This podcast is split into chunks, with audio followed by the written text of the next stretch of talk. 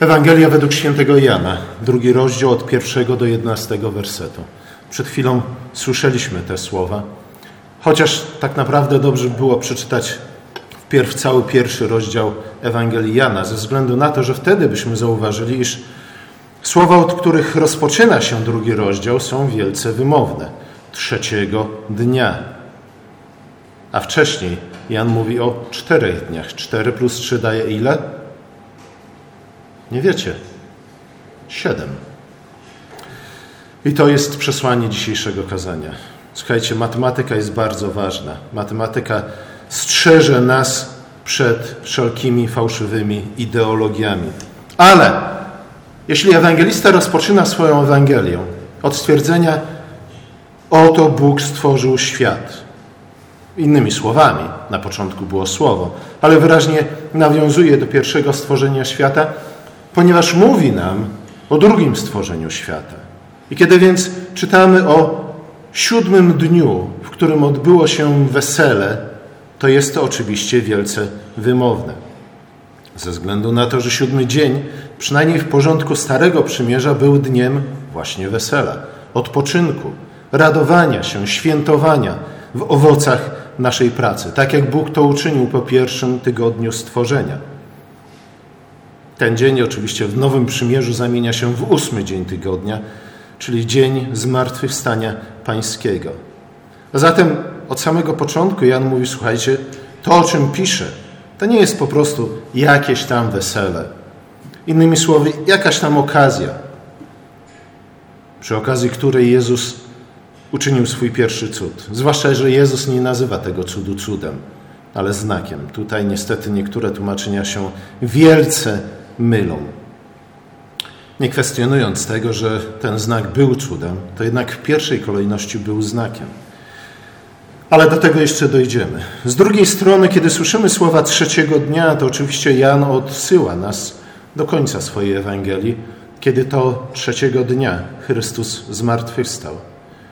Kiedy też słyszymy o tym, że Jezus trzeciego dnia, czyli tak naprawdę siódmego dnia tygodnia, jest na weselu, jest tam razem ze swoją matką, to to także jest wielce wymowne ze względu na to, że kiedy następnym razem zobaczymy Marię razem z Jezusem w Ewangelii Jana? Pamiętacie? No, dałem wam wiele tutaj przesłanek do tego, żeby odgadnąć tę zagadkę. Oczywiście u stóp krzyża. A więc Jan, słuchajcie, to nie jest tak, że to jest po prostu jedna tylko i wyłącznie symbolika. Tu jest połączenie bardzo wielu symbolicznych znaczeń. Nowe stworzenie, ale także odesłanie nas do krzyża, a także odesłanie nas do końca historii, ze względu na to, że koniec historii jest właśnie w ten sposób opisany w Piśmie Świętym, jako wielkie wesele baranka. Niestety w którymś momencie na tym weselu okazało się, że skończyło się wino. W pierwszej kolejności, w tym najbardziej dosłownym znaczeniu tego stwierdzenia, oznacza to wielką katastrofę wizerunkową dla gospodarza wesela, powód do wstydu, ale nie tylko. Oczywiście bez wina trudno jest się weselić, ale z drugiej strony wino pojawia się w Piśmie Świętym w bardzo ważnych okolicznościach i również jest bogate w symboliczne znaczenie. Kiedy po raz pierwszy pojawia się wino w Piśmie Świętym? Po potopie. To było to pierwsze nowe stworzenie świata. Wtedy to Noe zasadził winnicę, a potem w pokoju, w pokoju, który Bóg mu dał, dał mu poprzez jego ufność, poprzez jego posłuszeństwo. W tym pokoju Noe raczy się winem i zapada w błogi sen człowieka sprawiedliwego. Słuchajcie, Noe nie był pierwszym pijakiem w Piśmie Świętym, tak jak to się powszechnie twierdzi. Nic bardziej błędnego. Jest to błogi sen człowieka sprawiedliwego, który raczy się winem ze względu na z jednej strony pokój, który Bóg mu dał, ale z drugiej strony właśnie ze względu na posłuszne wykonanie swojego zadania, dzięki któremu może cieszyć się i odpoczywać w owocach swojej pracy. Wino jest symbolem zwycięstwa Boga nad siłami ciemności. Jest symbolem pokoju, który Bóg nam daje. Jest symbolem odpoczynku w owocach naszej pracy. Chleb jest posiłkiem alfa, moglibyśmy powiedzieć. Chleb jemy z rana, po to, żeby nabrać siły do pracy, ale winem raczymy się wieczorem, po to, aby odpocząć właśnie po naszej pracy.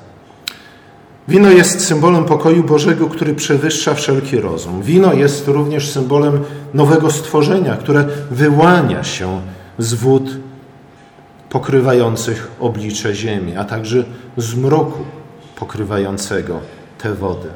Niestety na weselu zabrakło wina.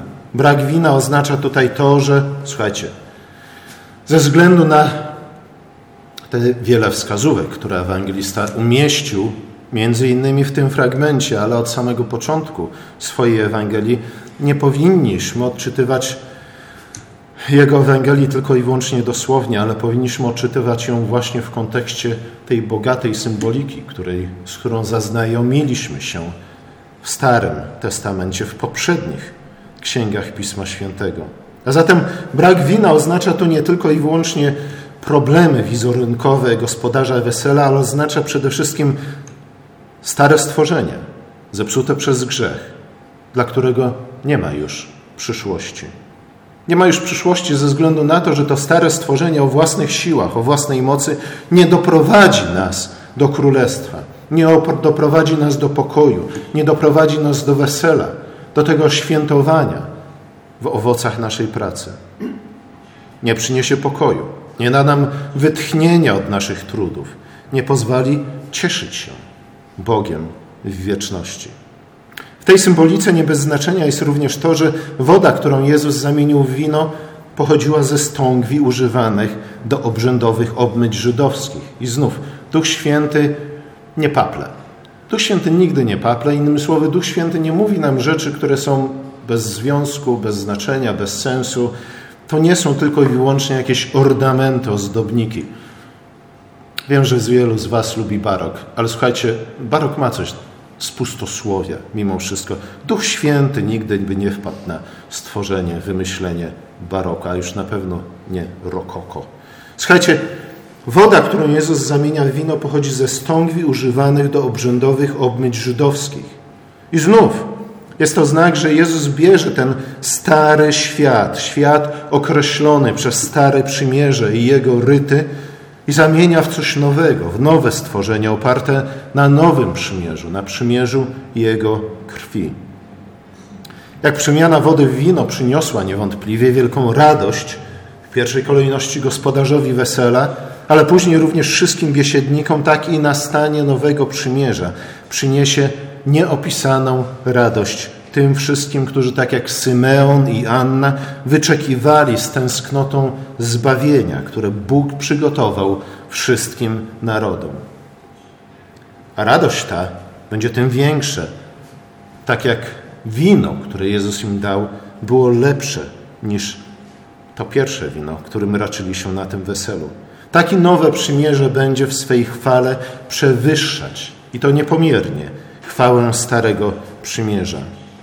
O tej chwale czytamy między innymi pod koniec Apokalipsy, kiedy Bóg obiecuje, że kiedy przemieni, przeminą pierwsze rzeczy, kiedy przeminie pierwsze niebo i pierwsza ziemia, wtedy Bóg otrze wszelką łzę z ich oczu, śmierci już nie będzie, ani żałoby, krzyku nie będzie, ani bólu już nie będzie, ze względu na to, że te pierwsze rzeczy przeminęły. Słuchajcie, po to Jezus przyszedł Między innymi, nie tylko, ale również, żeby te pierwsze rzeczy przeminęły. Ale nie tylko po to, żeby one przeminęły, ale również po to, żeby w ich miejsce dać nam coś o wiele lepszego niż to wszystko, co, czego doświadczyli święci Starego Przymierza. Ewangelista sam stwierdza, że przemieniając wodę w wino, Jezus objawił swoją chwałę. To znaczy, że ten cud, a właściwie znak, bo tak nazywa go Jan, wskazuje na nadchodzące królestwo i jego chwałę. Ta uczta weselna była przedsmakiem weselnej, wesela baranka opisanego w Apokalipsie. I nie bez powodu Jan mówi tutaj raczej o znaku niż o cudzie, ze względu na to, że ten znak właśnie wskazuje nam na pełnię królestwa, wskazuje nam drogę do pełni królestwa. Nie jest tylko i wyłącznie cudem. Jest cudem w drugorzędnym znaczeniu tego wydarzenia. Jest w pierwszej kolejności znakiem. Czego znakiem był cud w Kani Galilejskiej? I co ma na myśli Jan, mówiąc o chwale Chrystusa, która objawiła się w ten sposób? Słuchajcie, ewangelista mówi nam siedmiokrotnie w swojej Ewangelii o cudownych działaniach Jezusa, nazywając je za każdym razem właśnie znakami. Pierwsze to jest przemiana wody w wino. Ostatnim jest wskrzeszenie Łazarza.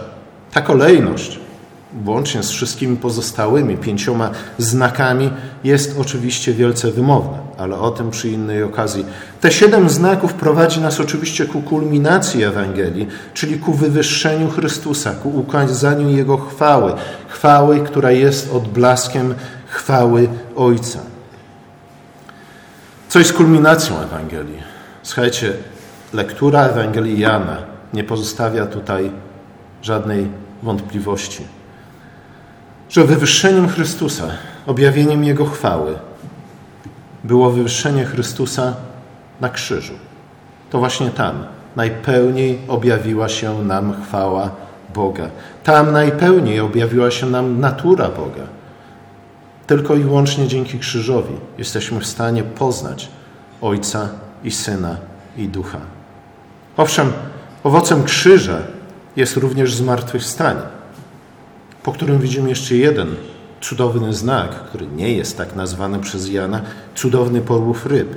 Ale słuchajcie, to właśnie krzyż jest wywyższeniem Chrystusa, jest objawieniem Jego chwały, jest objawieniem miłości Ojca.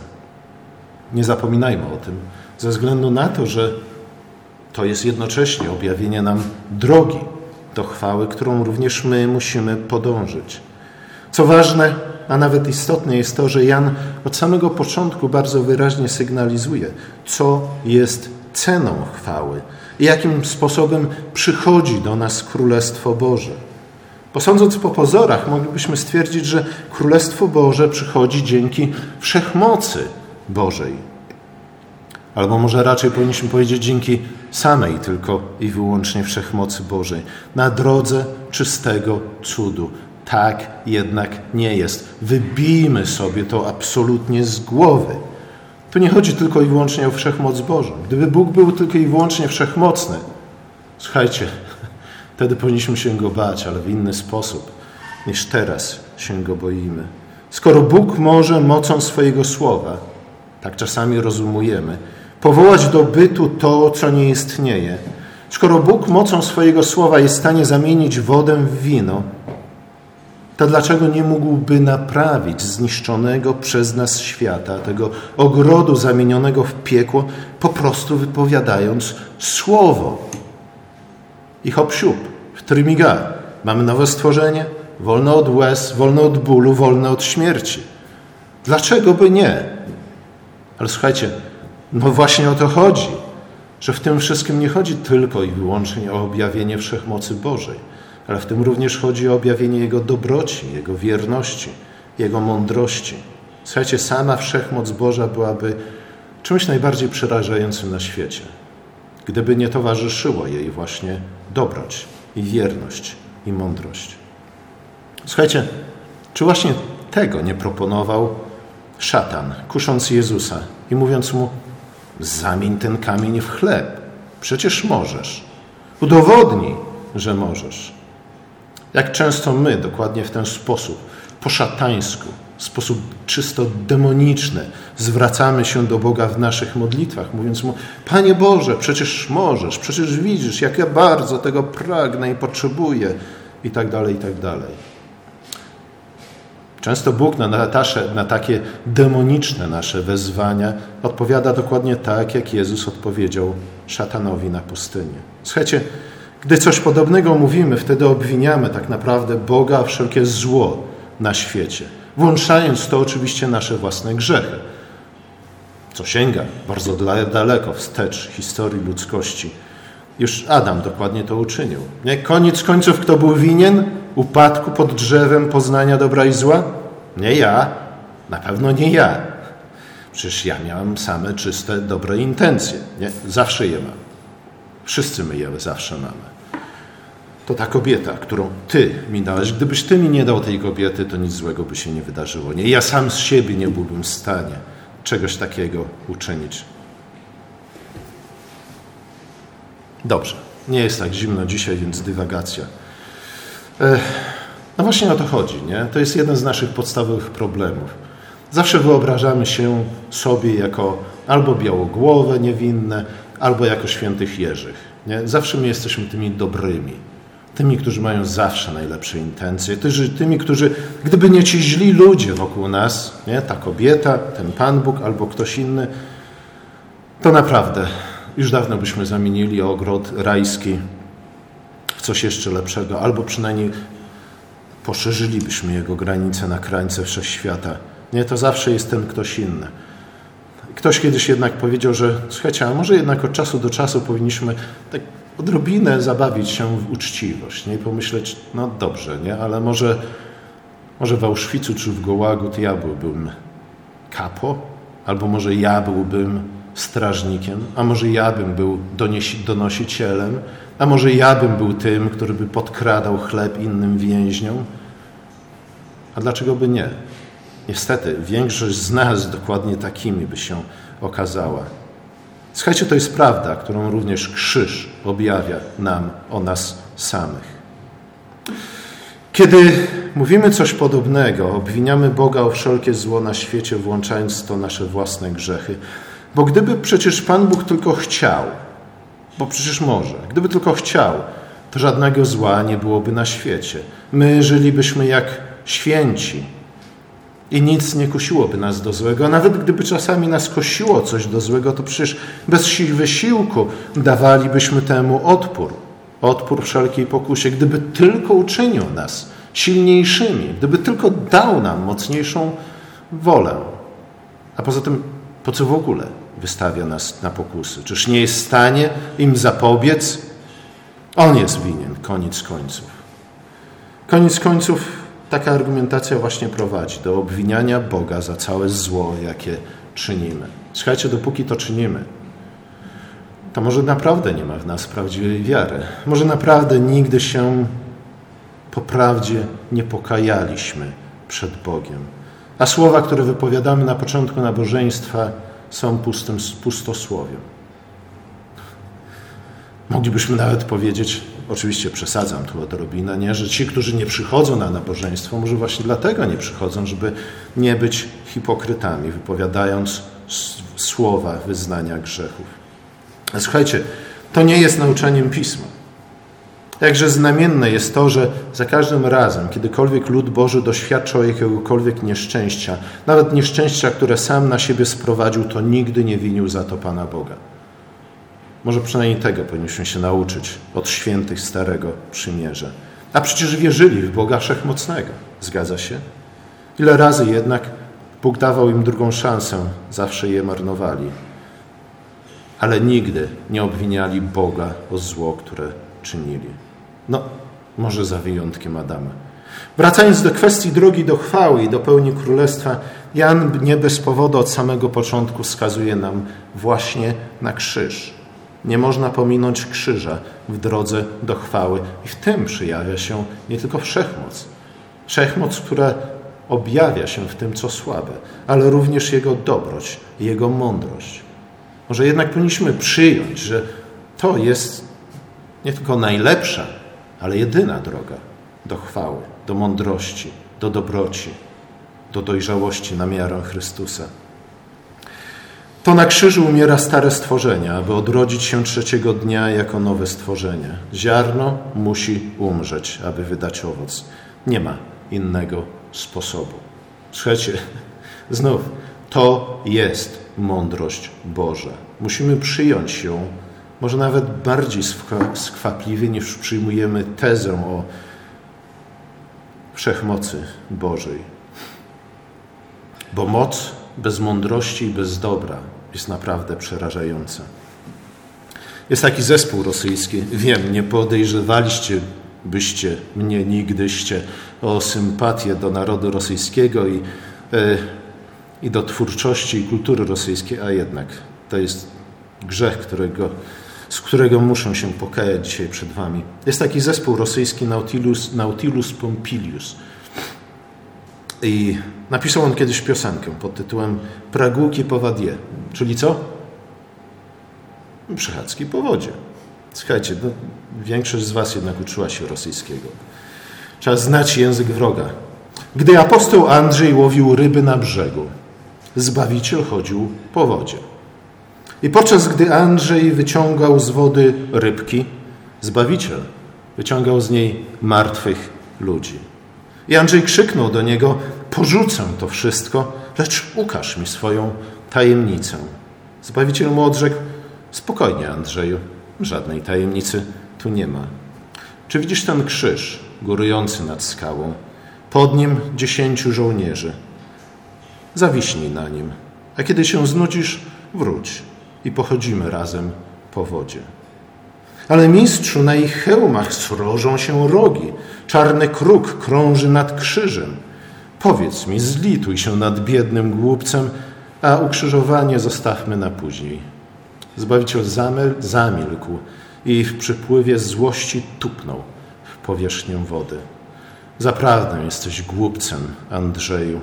I Andrzej we łzach powrócił do domu ze swoimi rybkami. Słuchajcie, bardzo chciałbym się zabawić z Wami w analizę nauczyciela języka rosyjskiego, żebyśmy mogli tak dokładnie przeanalizować ten wiersz.